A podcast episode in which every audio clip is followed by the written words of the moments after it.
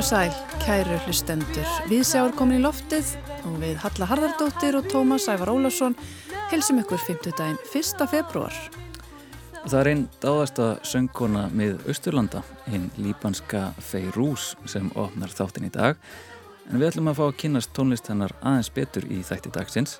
Einni heyru við af netagerð á Nesköpstað, bókmentavelununum og rýni í Kannibalin.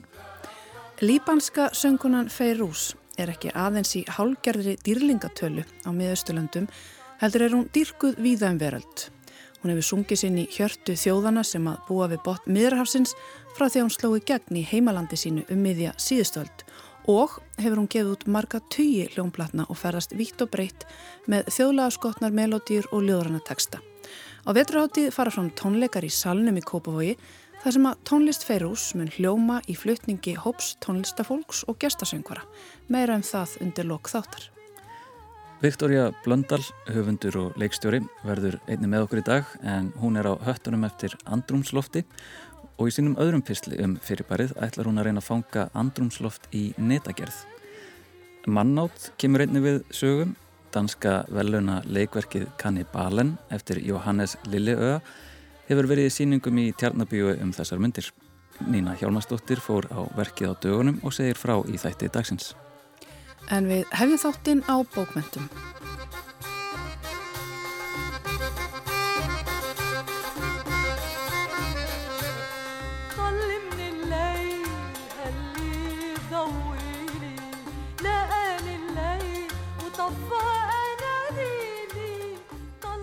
Það dró heldur betur til tíðinda í íslensku bókmentalífi í gær þegar Guðinni T.H. Jóhannesson afhendi íslensku bókmentavelunin og íslensku glæpasagnavelunin Blóðdrópan við hátíðlega atöfn á bestastöðum. Steinun Sigurðardóttir hlaut velunin í flokki fagur bókmenta fyrir skaldsögu sína Ból Gunnar Helgason og Rán Flýjaring hlutu velunin í flokki barna og ungmennabóka fyrir bók sína Alexander Daniel Herman Davidsson Bannað að drepa.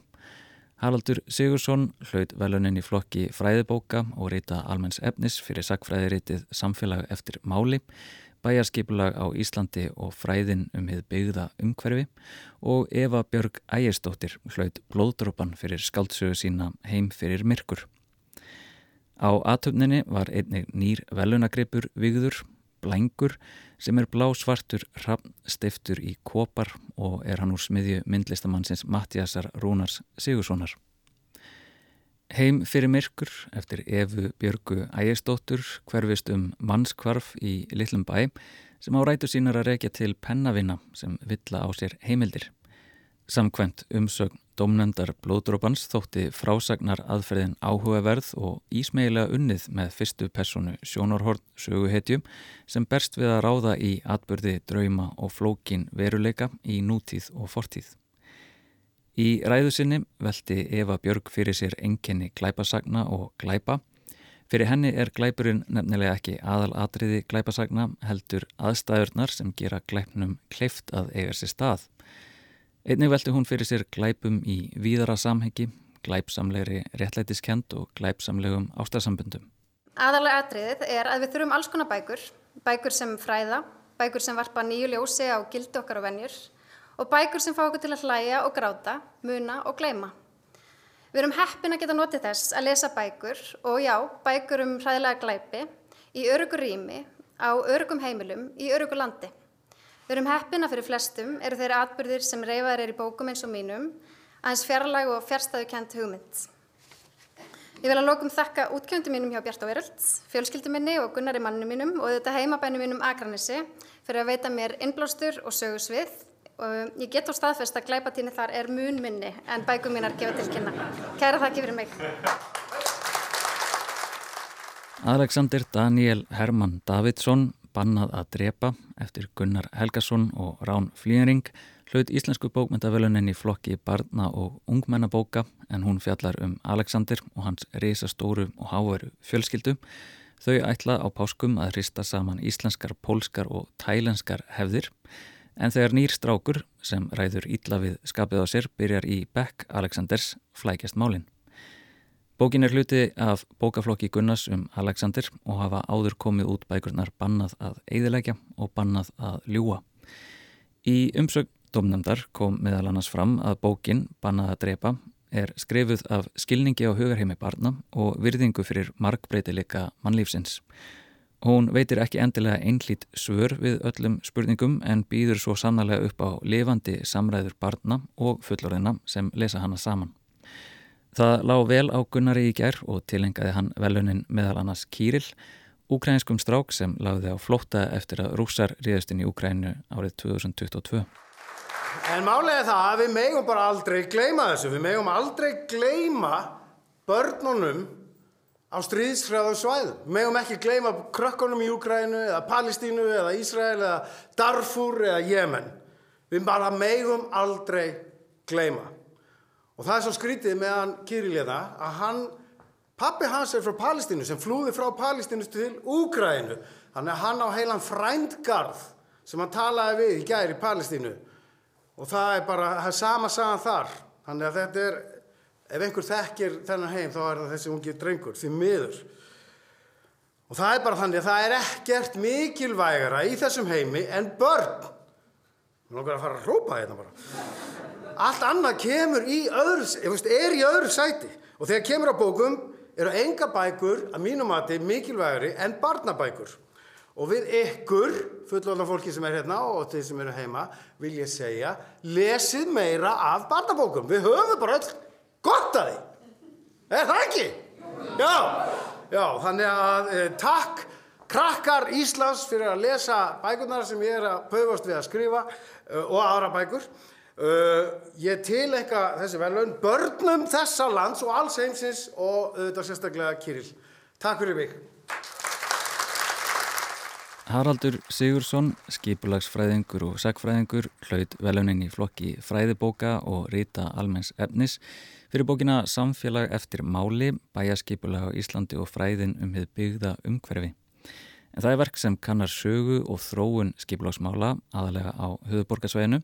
Sagan snertir á mörgum helstu álitamálum nútíma samfélaga eins og húsnæðismálum, samgöngumálum, líðheilsumálum og umhverfismálum. Dómnend velunana segir samfélag eftir máli vera afar áhugaverða bók um manngert umhverfi okkar sem skiptir sköpum fyrir samfélagsþróunina, umhverfismál og persónulega líðan okkar allra. Eh, það sem ræk mig áfram í skrifunum á síðustu árum var í raun þörf mín að reyna að skilja sjálfur betur uh, skipula bæja og borga eðlu og tilgang þessa mála, þess, þessara fræða og horfa á það í hennu stóra samingi uh, þverfræðilega, sögulega og alþjóðlega. Ég raun að skrifa söguna til að uh, vika út eigin huga og ég ætla að vona að með þessu, þessari bók geti ég miðlað uh, áfram til fleiri þessum hugrenningum. Í flokki fagurbókmynda var það Steinun Sigurðardóttir sem hlaut íslensku bókmyndavelunin fyrir skaldsögu sína ból en hún fjallar um þýðandan Líneik Hjálmsdóttur eða Línlín eins og hún er gerðnan kölluð. Náttúran fer hamförum rétt við sælu reytin hennar í sveitinni, hjartastaðin, ból, sem foreldrarnir byggðu upp og rættuðu.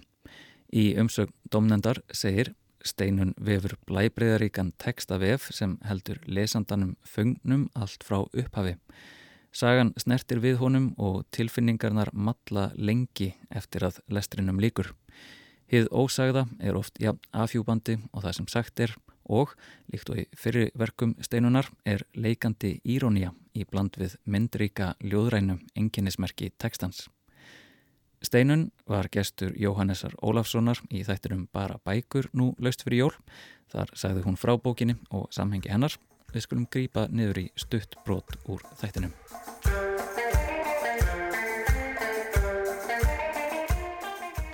Svo er náttúrulega eins og þú hefur nú talað um og, og skrifað heilu ljóðabækunar um það eru breytingar á náttúrunni, breytingar á jöklunum okkar og, og hvernig við sjáum þennan sama stað ef við horfum á þetta sem bara við mannfólkið. Um, okkar ból, hvernig við horfum á það, það er ekki alveg komið undir raunnið sem er hérna fyrir aftan í, ba í bakgrunni en við vitum að það er á leiðinni og það er líka tilfinning sem við eigum erfitt með að kljóst við og breyta okkur og breyta okkar hegðun? Þetta er alveg rétt og ég held að við eigum svona erfitt með þetta vegna þess að þetta er svo rosalega stórt. Þetta er bara eins og þú standir upp með nefið upp við klett og þú sérð ekki. Mm -hmm.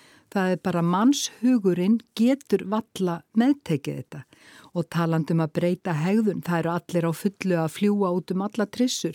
Ég hérna var á rástefna á kirkjubæðuklausturinn daginn og smiðurinn minn og Selfossi var að spurja mig hvað var það er í gangi og ég sagði við erum meðlans að fara að tala um sjálfbæra ferðamennsku og þá sagði hann já, allar fólk nú að fara að sigla á seglskútum til Íslands því að hann sagði bara, þú veist, ein flugferð, þú getur alveg haft hérna bíliðin í gangi bara frá, frá vöggu til gravar, mm -hmm. það mengar áleika mikið.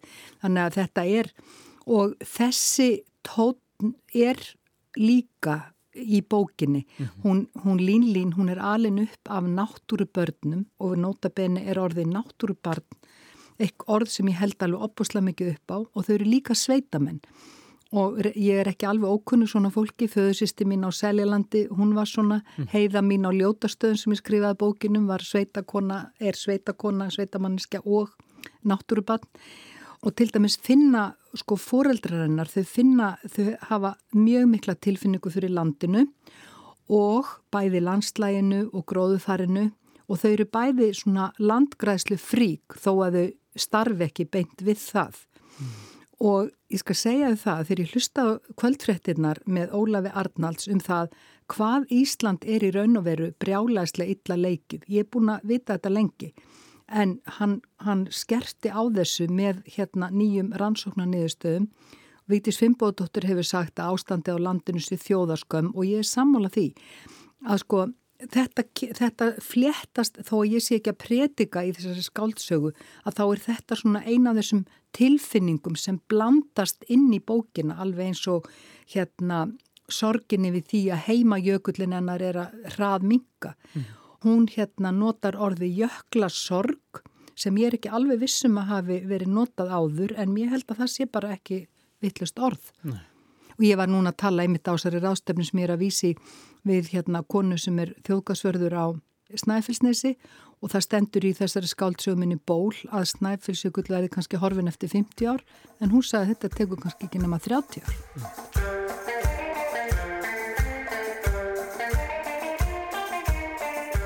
Steinun Sigurðardóttir rætti hér um bókina Ból við Jóhannes Ólafsson í þættinum Bara bækur Þar á undan saði Tómas frá verlunahöfum íslensku bókmöntaverlunana sem afhentur í gær og sko við hér við sjá höfundum innilega til hamingju. En við skiptum um gýr hér í þættinum og hugum að netagerð. Viktoria Blöndal tekur nú við. Síðasta haust dætt mér í hug að reyna að fanga einhvers konar andrumsloft. En það er nú kannski ekki eitthvað sem að fangar svo öðlega, það bara er en það er ótrúlega mikilvægt og skiptir mig gríðarlega miklu máli og hefur eiginlega alltaf gert bara frá því barn og ég reyni yfirleitt að stilla andrumsloftið eftir mínu skapi.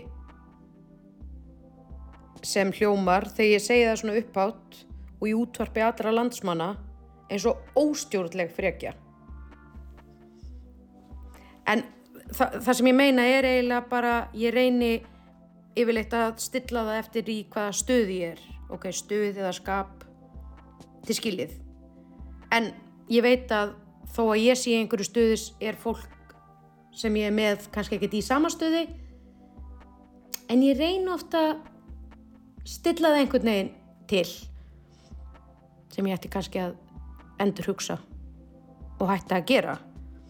En ég ger þetta líka bara því ég er ein heima með hundinu mínum eða ég er eina á skrifstofunum minni eða bara hvar sem er. Ég nota oft tónlist eða lykt, reykjáls eða kerti eða svoleiðis en ef ég er með fólki þá nota ég líka spurningar til þess að stilla einhvern veginn stemninguna. Og mér fannst uh, mjög áhugavert að fara uh, til fólks uh, bæði út á landi þar sem ég er ofta ferðast vegna vinnu eða, eða mér til skemmtunar eða bara hérna í Reykjavík. Draumurinn er og draumurinn var að hitta fólk bara út um allt. Hvort sem það var í vinnunni hjá því eða heima hjá því. Og, og ræða þetta þess, bara pæla í andrumslofti þess. Og það sem kom mér eiginlega mest óvart þegar ég byrjaði á þessu var að, að andrumsloft og tilfinningar tengjast gríðarlega mikið.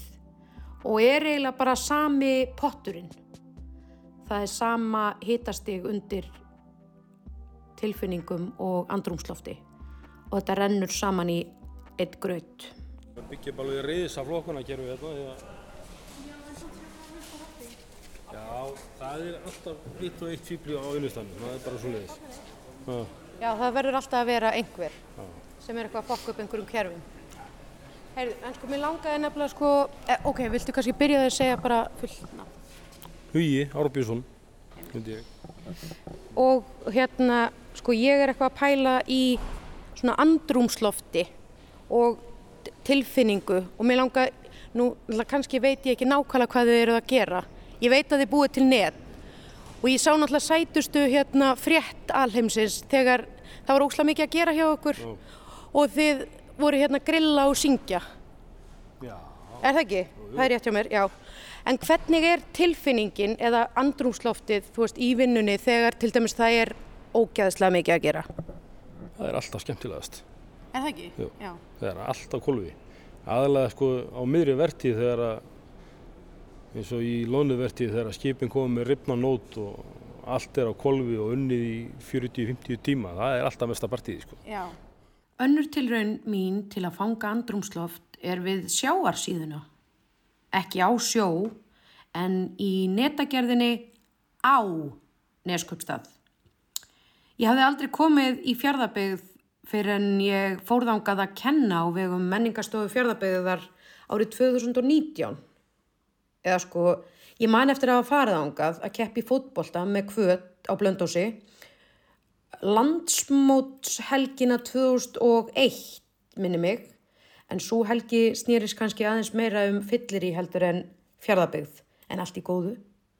Sem sagt, ég var í fjárðabyggð með gíu vinkonu minni síðasta haust að kenna í grunnskólum fjárðabyggðar uh, og kom við hjá félaga mínum Huga Árbjörnsinni og allir í stuði einhvern veginn og komnir bara í einhvern gýr eða komin í, já. Það er alltaf svo leiðis. En, en hvað ertu búin að vinna við þetta lengi? Ég á 30 ára starfsamali á næsta ári. Ok, býtu þá vinn, hvað varstu gammal þú byrjar? Ég- 20 og eins árs. Geta ekki verið. 94 byrjaði ég. 22 ára.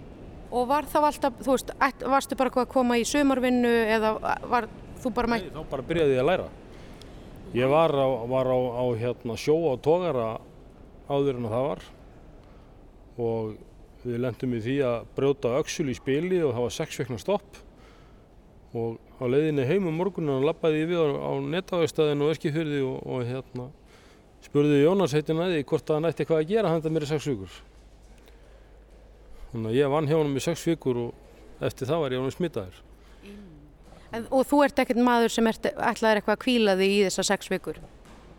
Þú veist, þú ert bara maður, ég, nei. Það nennir enginn að láta sér leiða eftir sex vikur. maður. Nei, ymmit. Ymmit. En getur þú líst svona fyrir fólki sem hérna hefur til dæmis aldrei komið inn í netagerð eða þú veist bara einhverju svona hérna, þú veist hvernig þetta er? Já, þú veit bersinn. Ég menna, hérna erum við að fara yfir uppsjóðaveðafæri og annað uppsjóðaveðafæri en þau eru algjörlega í, í sitt hver áttina. Annað er flótról sem er dreigið á eftir skipinu hitt er nót sem er, ringnót heitir það, sem er kastað í ring utan um torfur. Með hinn þá eldaði torfunar. En þetta er svona, þetta er eiginlega bara svona eins og listaverk. Já, þetta er litskrúðut. Þetta, en þetta er, ég sé líka bara, þú veist, þó ég veit ekkert um þetta, þá, þú veist, þetta er ekkert gert bara einhvern veginn og einhvern veginn. Nei, nei, nei, nei, það er það ekki. Árið 2012 var mér bóðið að koma í norðurljósa skoðunarferð á litlu skipi eða bát og þegar ég segi þetta þá fatta ég að ég veit ekkert munin. En allavega þá fór ég um borð með öllum túristum Reykjavíkur og það var lagt í hann frá smábótahöfnunni niður í bæ og þetta leitalega freka vel út. Allir fór í einhverja snjókala og býtuð, ok, þegar ég segi það líka, það fór ekki, lík, líklega voru þetta ekki snjókalar, heldur einhvers konar björgunagalli. Og það var gott í sjóin og ég, verandi ég, og ég var náttúrulega bara mjög lúin að því að klukkan var orðin bara meir en 11, hún var örgulega hálf 12 og ég verandi, kvöld svæfasta kærling landli, landsins, það átti ég smá erfitt með mig og ég var eitthvað svona, oh. en eftir smá stund út á sjó, eða sko þetta var samt bara rétt við bryggjuna, þá byrjaði fólk að æla og drulla á sig og ég sko ekki að grínast. Þetta var eins og nautat nefnum bara fullt af vælu og ég er sko ógæðslega klíugjörn. En þar kom njörður til hjálpar og njörður er auðvitað góð sjávar. Hello! Og hann sko vakkaði mér í svepp. Undiraldan var svo rosalega, ég lamaðis bara og svaf af, af mér allt húlum hæð. En það voru engin norðuljós. Eh, ég hef líka, ég fór mjög oft í Akraborgina sem barn. Amma og afi áttu sögumbústöð upp í borgarfyrði og við byggum á Selfossi þá þannig að það lág beinast við að taka Akraborgina upp í borgarfjörð. Þar fekk ég strumpanami og horfið svo á Jón Ótt og Jón Bjarnar eða Stelli Orlofa með hann.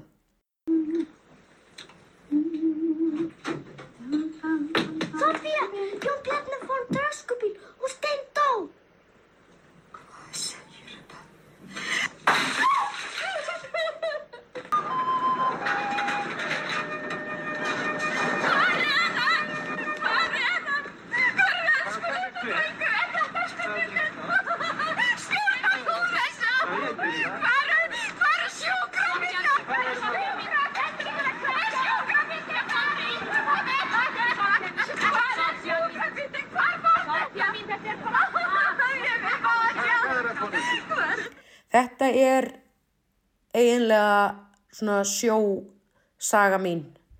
Hún er eiginlega ekkert stærri en það þannig að ég veit eiginlega ekkert um sjómennsku en ég veit að ég ber stórkostlega virðingu fyrir fólki sem gerir sjómennsku að æfistarfi sínu og að vakkar einhvern veginn eitt út á hafi.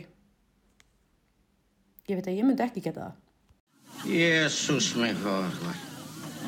Ég þarf endilega að drífa mig e eitthvað. Sko, það er tíma að sé búin að kippa þessi liðin. Eða, góki minn, skulum drífa okkur heim.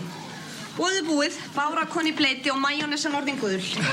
Varst undir borðinu allan tíma? Gerðu það lágt. Ófrúð.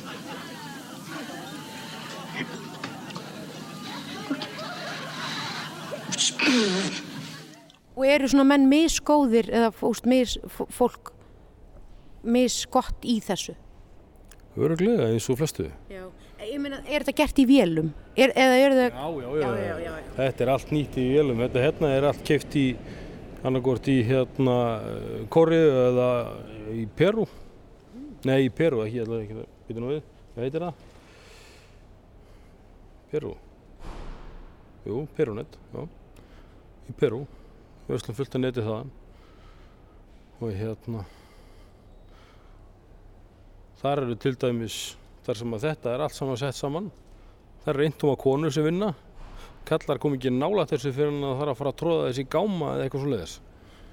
Ég, ég ætlaði að segja það á þann eða svona spurja og ég var eitthvað, ég leita á þetta, ég var bara, það hljóta konur að koma að þessu. Já, já, já. Og eins í hérna á vextaði hampiðinar í, í Litáin, þar eru sennilega 85% konur. Alveg saman hvort það er í kala framleyslunni eða nettframleyslunni, á nettavestæðinu. En e- eru margar svona veksmiður á Íslandi? Svona nettavestæði? Já. Það eru svona þrjú til fjögur stór fyrirtæki. Við erum á uh, Neskjöstað, Akureyri, Ísafjörði, Vestmanniðum, Reykjavík. Mm -hmm. Svo eru svona, er eitt stórt fyrirtæki á Eskifjörði, það er Ísfelli Reykjavík sem er nokkuð víðaða landið og svo veit ég að það eru tvö lítil vöxtaði, eitt í Grindavík og eitt í Keflavík. En, en getur þú svona bara, hérna, uh, svona loka, getur þú lísta eins andrúsloftinu í vinnunni hjá þér? Í vinnunni? Það er bara misjant dag frá degin, yfirleitt mjög gott. Og svona, ég reynum að vera svona frekar svona lípu og líðiglað bara með hlutina. Ég held ég geti sagt með uh, 100% fullvissu að andrúmsloftið í netagerðinni á Neskjöpstað er æði. Ef ég ætlaði að fara að gera eitthvað annað heldur en að búa til uh, list þá væri það kannski bara að fara að vinna þar. Ég ætlaði að tala miklu meira um í Neskjöpstað, á Neskjöpstað en ég læti það kannski bara að vera að því að andrúsloftið er bara gott. Ég vona að ég sé að segja þetta rétt samt. Í og á. Það var Viktoria Blöndal sem kannaði andrúnsloftið í netagerð og rætti við Huga Árbjörnsson, netagerðamestara, í eða á Nesköpstað. En Viktoria mun haldi áfram að rannsaka andrúnsloft hér þættunum á næstu vikum. Þá hugum við að mannáti, Nína Hjalmarsdóttir, fór að sjá leikverk um fyrirbærið nú á dögunum. Í bóksinni Anti-Ödipus, Gaggrína Silestelus og Felix Gattari sálgreiningu Freuds og hugmyndina um að þrá í stóru samingi megi útskýra í skýrum þrýhyrningi Ödipusar kompleksins í mömmu og pappa físnum okkar. Í allt of stuttu máli má segja að þeir stilli upp sem og greini hvernig geðklofi eða það sem þeir kalla klofa greiningu eða schizoanalysis á ennsku geti verið andof við kapitalismannum. Kapitalismin er samsagt kerfið sem gegnsýrir alla okkar tilveru og er hinn altæka vél sem að fangar allar okkar þrár. Klofa greiningin og hvernig hún skilgreinir þrá er hins vegar líkan fyrir hvernig við gætum haft frjálslegri og meira skapandi hugsun, laus frá hýrarkíu og formgerðum. Deleuze og Gattari raukstiðja hvernig þrá þess sem þjáist af geðklofa málar stöðugt út fyrir línutnar og hversu ómögulegt er að fanga merkingu hennar eða útbúa tölfræði um hana sem kapitalismin getur notað til að búa til þarfir eða þrár fyrir sjúklingin. Þessi frjálsa og flæðandi þrá er of sleip til að haldast kyrr. Hugmyndir, Deleuze og Gattari rifiðist upp fyrir mér um síðustu helgi meðan ég horfi á eða heldur upplifði með öllum skinnfærinum verkið Kannibalin í Tjarnarbíó. Verkið fjallar nefnilega um þrá sem fellur utan þess sem þykir síðlegt í samfélags sáttmálanum Nefnilega þá þrá að borða annan mann og að samaskapi þá þrá að vera sjálfur jétin. Leikritið er eftir danska leikskáldið Jóhannes Lilleöri. Það var frumsýnt árið 2022 í De Kongelige Teater í Kaupmannahöfn og var valið leikrit ársins á dönsku sviðslista verlununum. Það byggir mjög nákvæmlega á raunverulegu mannáti sem átti sér stað í Þískalandi árið 2001 þegar tölvunarfræðingurinn Armin Meives drap, bútaði niður, steikti og átt verkfræðingin Bernd Jürgen Armando Brandes eftir að þeir höfðu kynst á vefspjalli fyrir mannætur. Það sem reyndi svo ansi snúið í réttarsalnum var að hinn jætni Bernd Jürgen veitti fullt samþykki sitt fyrir þessum óhugnalegu gjörðum eins og sást vel í myndbans upptöku af verknæðinum. Eftir að lauriklan handtók armin kom í ljós að þrátt fyrir að vera greindur með geðklofa var hann með fulla meðutund um gjörðir sínar og er hann nú dæmdur í lífstíðar fangelsi. Armin sór þó að hann hefði aldrei framkvæmt þetta nema af því að Bernd Júrgen óskaði þess að vera drepin og jetin. Júlia Gunnarsdóttir þýðir leikritið ágætlega á íslensku með Adolf Smára Unnarsinni sem leikstýrir síningunni einnig.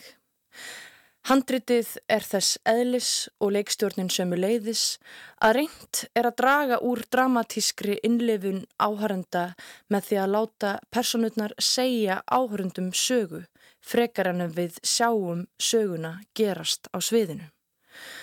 Adolf Smári fær leikarana til að nota ljós, upptökuvél, statíf og mikrofóna til að gera meiri greinarmun á milli sena. Drungaleg lýsing Magnúsar Torlasíusar undirstrykkar andrumsloftið í hverri senu fyrir sig en gefur líka tilfinningu fyrir þessum óræða heimi sem personurnar tala úr. Engin sviðsmynd er til staðar en ljósa ár hanga á tvist og bast yfir sviðinu og það er ekki skýrt hvað það á að tákna. Ronja Jóhannsdóttir er spennandi tónskáld sem er gaman að heyra í þessu samingi en tónlistin hennar fær gott pláss í síningunni með hörðum og hráum hljóðum sem smjúa undir skinnið og magna hrollin sem fylgir þessum uggvænlega efni við. Umgjörð verksins vinnur því með leikstjórninni að því að láta hugarflug áhörandans taka völdin er personurnar lýsa fyrir okkur atbyrðarásinni. Í stað þess að lifa okkur dramatíst inn í atbyrði á sviðinu þá sjáum við þá ljóslifandi fyrir okkur í eigin ímyndunarafli. Fjölnir Gíslason leikur Armin Meives mannin sem fekk aldrei ást og öryggi og þarf því að kljást við þá sestöku kent að vilja borða aðra mannesku og saminast henni. Fjölni hef ég ekki séð áður á sviði svo ég muni en hann er svo sannarlega eftirminnilegur og nær að draga fram ansi núanseraða tólkun af þessum bælda manni og vekja samkjönd hjá áhrundum. Það gerir hann þrátt fyrir að handriti gefi honum ekki mikið að móða úr bæði vegna samhengisleysis í innihaldi og líka vegna stílsins sem setur þá félaga í sögumanns hlutverk sem spillir fyrir því að áhörundur fái að sjá personuna þróast í verkinu. Jökull Smári Jakobsson er sérmyrandi leikari með sérstaka sviðsveru en hann vakti verðskuldaða aðtegli fyrir hlutverksitt í síningunni Eyju síðastliðið haust. Jökull nær að gera senutnar þar sem Bernd Júrgen er að deyja hægum dauða, engar áhrifaríkar þar sem við sjáum andlitið hans varpast yfir allan bakvegg sviðsins. Honum tekst því að glæða personu Bernd Júrgen lífi þrátt vera hún sé skrifið frekar óskýr og sé full af mótsögnum en áhundur fá aldrei að vita hver drivkraftur hans er fyrir því að láta geta sig. Í fullri hreinskilni sagt var ómögulegt fyrir mig að gefa öllum smáatröðum síningarinnar jafn mikinn gaum og ég er vön að gera vegna þess hversu hræðilega ítla mér leið stóran hluta hennar.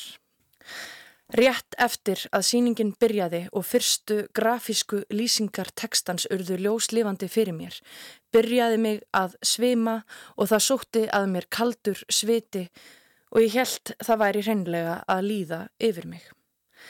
Sem betur fyrr tókst mér að jafna mig fljótt og anda mig svo í gegnum síninguna og jafnvel hlæja að sumum bröndurunum sem hittu beint í mark og er vottur um góðar komískar tímasetningar leikaranna. Það var smá huggun að sjá að ég var ekki svo eina sem þjáðist en þó nokkrir áhundur þurftu að ganga úr salnum vegna viðbjóðsins. Ég get ímynda mér að þetta sé síning fyrir fólk sem hlustar af áfergju á glæpa hlaðvörp sem er eflaust fínasta tómstund en getur augljóslega orðið að nokkur skonar gæju þörf, ávanabindandi, neyslu eða löngun til að skemta sér yfir hryllilegum sögum af raunverulegum fórnarlömpum og glæpamennum. Með því að lesa yfir handritið er auðveldara að koma auga á stílinn sem sést í því hvernig personurnar skiptast á að vera í hlutverki sögumanns að segja frá því sem gerðist og vera inni í atbyrgarásunni. Það gerir áhörundum erfitt fyrir að tengja við söguna. Það sem stendur þó helst í vegi fyrir leikritinu er að það byggir á raunverulegum manneskum og einblínir of mikið á staðrindir um þær og þetta mál. Leikskáldið fær varla eða gefur sér varla frelsi til að draga eigin álíktanir um innra líf þessara manna eða leifa áhrundum að skilja þá aðeins betur að skilja þrár þeirra betur. Leikstjórn Adolf Smára nær ekki heldur að fylla inn í þessar eyður. Í staðin er síningin full af mótsögnum eins og þegar Bernd Júrgen er ljúfur eina stundina þar sem hann reynir að tæla armin en varla andartæki setna er hann orðin kaldur og anstíkilegur. Hann er áhrundum ráðgáta allan tíman sem er synd því varla finnst meira krassandi yrkisefni en persóna sem þráir að láta borða sig. Samkvæmt þísku lauruglinni mun fólk sem hefur unun fyrir mannáti skipta þúsundum hátt í tíu þúsund mannsjafvel og það er aðeins í Þískalandi. Ef við komum aftur að Deleuze og Guattari og hugmyndum þeirra um þrá sem er ekki skilgrend í skorti eins og hjá Freud heldur sem skapandi afl Þá fannst mér þeirra kenningar rýma við spurninguna sem ég spurði mig aftur og aftur er ég horfi á kannibalinn. Hvers vegna er þetta glæpur? Það sem gerir síninguna áhugaverða er þetta mál sem hún byggir á. Þar sem tveir menn ákveðu með fullu samþyggi að einn myndi borða hinn og hvernig það dansar út fyrir samfélagskoreografíuna, málar út fyrir línutnar. Við höfum búið til formfasta struktúra sem ná engan veginn utanum þann ólgu sjó sem mannlegar þrár og kendir eru, sem kristallast vel í öllum þeim siðferðislegu spurningum sem vakna í tengslum við mál Armins og Bernd Júrgens. En þessi siðferðiskreppa varð augljós þegar málið komst í heimsfrettinnar árið 2002 og gott ef ég heyrði ekki um þetta á þeim tíma og hlustendur rámi líka í þetta mál. Þessi leiksýning gerir lítið til að diffka þessa kreppu, bæta einhverju við hana eða flysja einhver lög af henni. Heldur gerir leikritið fátt annað en að nota sögu þessa raunverulega fólks til að sjokkera áhörundur. Það nýtir sér forvetni almennings fyrir sönnum, sakamálum og eftirvæntingu fyrir viðbjóði og býður ekki upp á mikið frumlegt innihald á móti. Eins og töluvert hefur verið rætt að undanförnu í tengslum við aðra leiksýningu á fjölum leikursona, þá er ekki vandkvæða lust að sviðsetja líf lifandi fólks.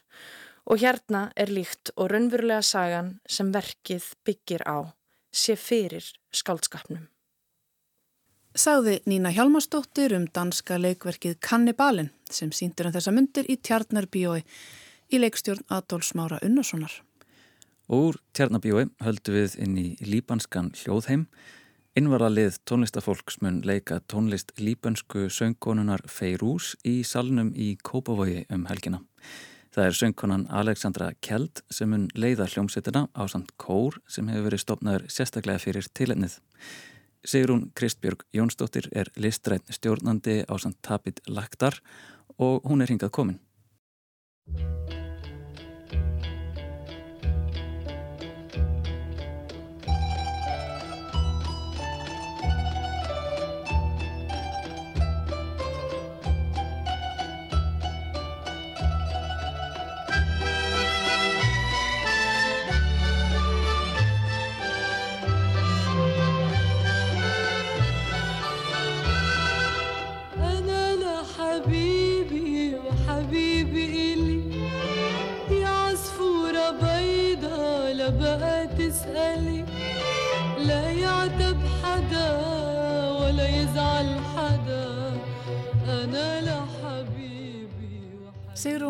Kristbjörg Jónsdóttir, tónlistakona, verðtu velkominni við sjá. Takk fyrir.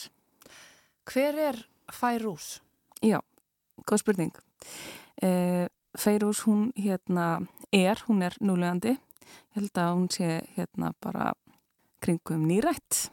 Hérna hún er bara, getur við sagt, bara rött með Östurlanda svona í einni setningu. Já, Já. það er ekkert smá. Já. Það er rosalega titill. En veit.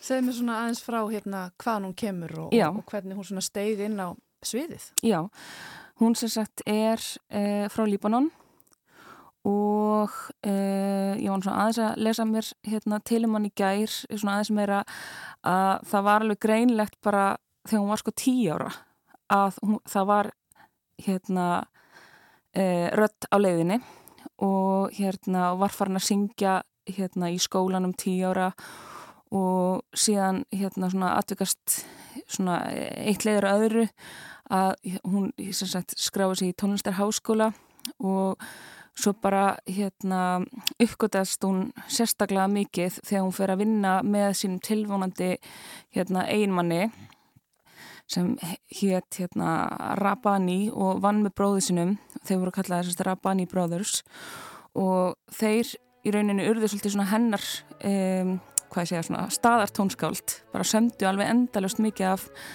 efni fyrir hana sem að flutti í útarpinu og þá bara sprakkit eitthvað einn út sko, hjá henni يوما إلى حينا ونغرق في دافئة المنى سنرجع مهما يمر الزمان وتنأى المسافات ما بيننا Og hvernig tónlist er þetta? Já, uh, góð spurning vegna þess að ég held að það séu held ég 8-10 plötur, vínilar og kassettur sem voru gefnar wow. út með henni. Það er bara endalust efni, það er bara eins og þau hefur aldrei bara sofið og hérna og það er bara mjög uh, bara breytt spektrum það er bara svona alveg úr hérna, við getum sagt bara beint úr þeirra þjóðlaga arfi og yfir í jazz til dæmis bara, þú veist, bara svona jazz standardar mm -hmm. úr amerísku söngbókinni sem hérna er búið að snara yfir á arabísku og hérna og bara, já, óperettur og, og söngleika tónlist sem, sem var sérst samið fyrir hana, já. Já, þannig að hún kemur auðvitað úr þessari ríku hefð sem er til staðar í, í hennar, hennar menningaheimi mm -hmm. uh, sem að ég gerir ráð fyrir að er svona freka fastmótuð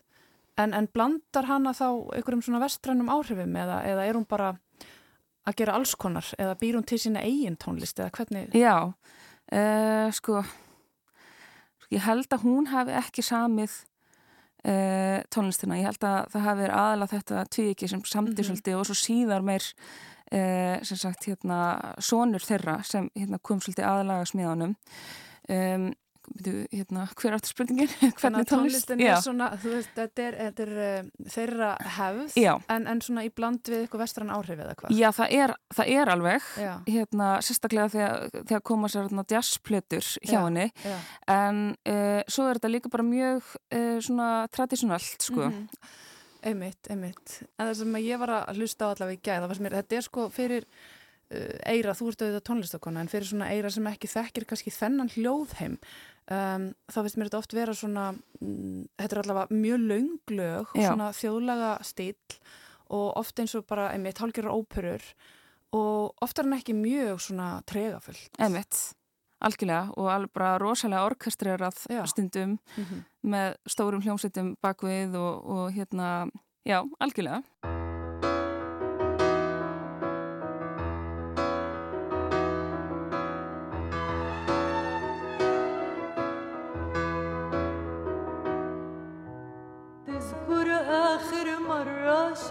شفتك سنت تذكر وقتها آخر كلمة قلتها وما عدت شفتك وهلأ شفتك كيفك أنت؟ ملا أنت. Hvernig kynntist þú hennar tónlist? Já, góð spurning. Um, það er svona bara uh, hvað segja, svona eitt leðar öðru í þessum tónlistarheimi. Og ég er svona frekar uh, hvað segja, svona nýbúna bara dífa lill tá inn í hérna, þennan svona heimsluta af, hérna, af tónlist. Ég hef svona meira kannski verið um, í tónlist frá Suður Ameriku, ég fór í háskólinam í brasilískri og latintónlist þannig ég hef svona verið meira þeim meginn lífinu. En svo bara dættu maður inn í alls konar verkefni. Og ég dætt inn í rosalega skemmtlegt verkefni eh, meðan um Fabit Lag sem er með mér í þessu hérna, sem er annar listrætt stjórnandi hérna, í færustólningunum að sem sagt um, það kom hérna kór frá Jórdaníu fyrir nokkur árum og uh, ásand bandi. Og þá var svona flestum af þessum hljóðfærleikurum sem er að spila morgun bóðið að vera með í þessu projekti og voru bara alveg geggjaði tónlingar í fríkjörginni í Reykjavík.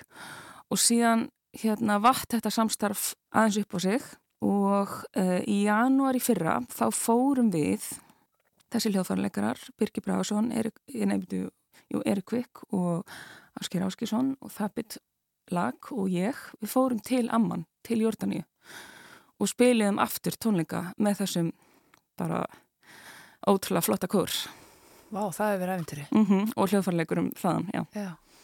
Þannig að þú ert svona aðeins komin inn þarna í, í þennan heimsluta já. að stúdera þessa tónlist. Já, bara svona ennþá bara með hínatána, fyrst mér. Já. en hérna, já og svo hérna kom þetta verkefni frá hérna Mekko, menningafélagi Kópavóks og þá ekkert neginn fannst mér bara rakimála ekkert neginn er að halda áfram. Mm -hmm. Einmitt. Kynna okkur fyrir þessari Mhm. tónlist. Er það ekki rétt til mér að, að þið hafið sem standaði þessum tónleikum stopnað kór sérstaklega fyrir þetta tilöfni? mm, Já, nákvæmlega. Við gerðum það. Það var bara hérna byggum bara til auðlsingu um að hver sem vildi mætti vera með í kór fyrir þetta verkefni. og það er svona aðalega þabbit sem hefur svona haldið utanum það og hérna og náttúrulega mjög hérna heppilegt að hann starfa sem tólkur og það er ekki allir hérna arabiskumælandi í kórnum þannig að hérna e, þeir þurftu að læra sagt, texta mm -hmm. hérna á arabísku mm -hmm. og alltaf bara setja mikið gæðastimpil að hafa fagaðila í tólkun í verkefninu mm -hmm. og hérna gert, og hann hefur gert það með bara miklum bráur og e, já, þetta er svona 10-12 manna kór. بالضيعة يلي عاش النجمات بيسهروا بظل الهوى سهرات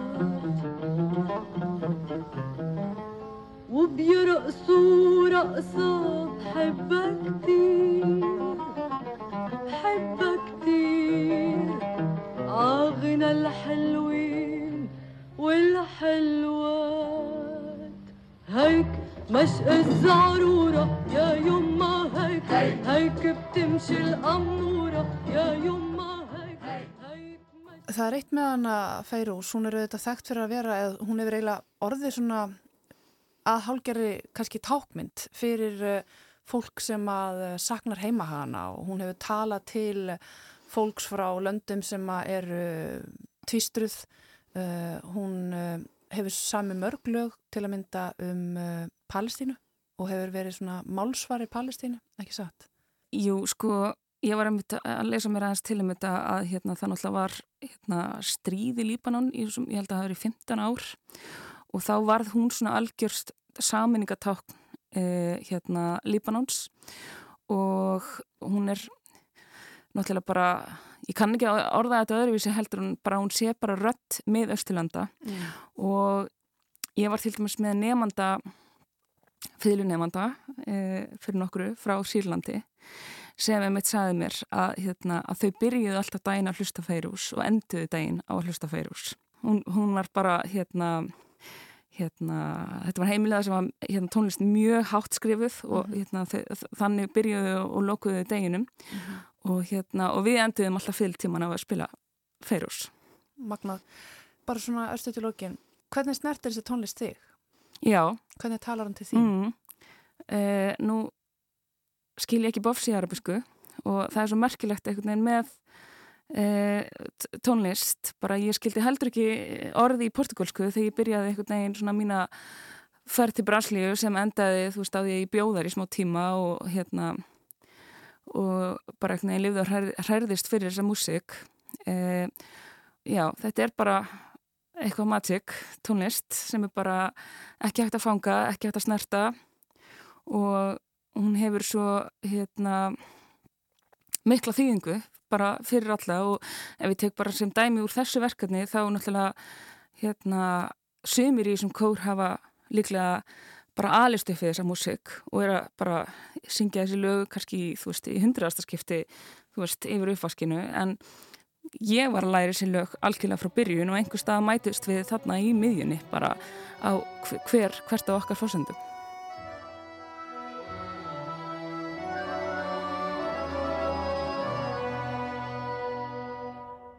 لأجلك يا مدينة الصلاة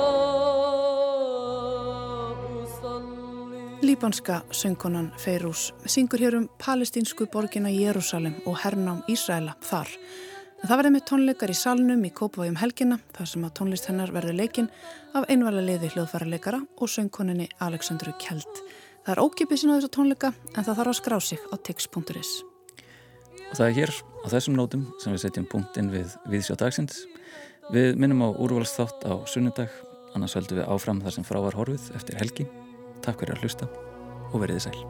عيوننا إليك ترحل كل يوم ترحل كل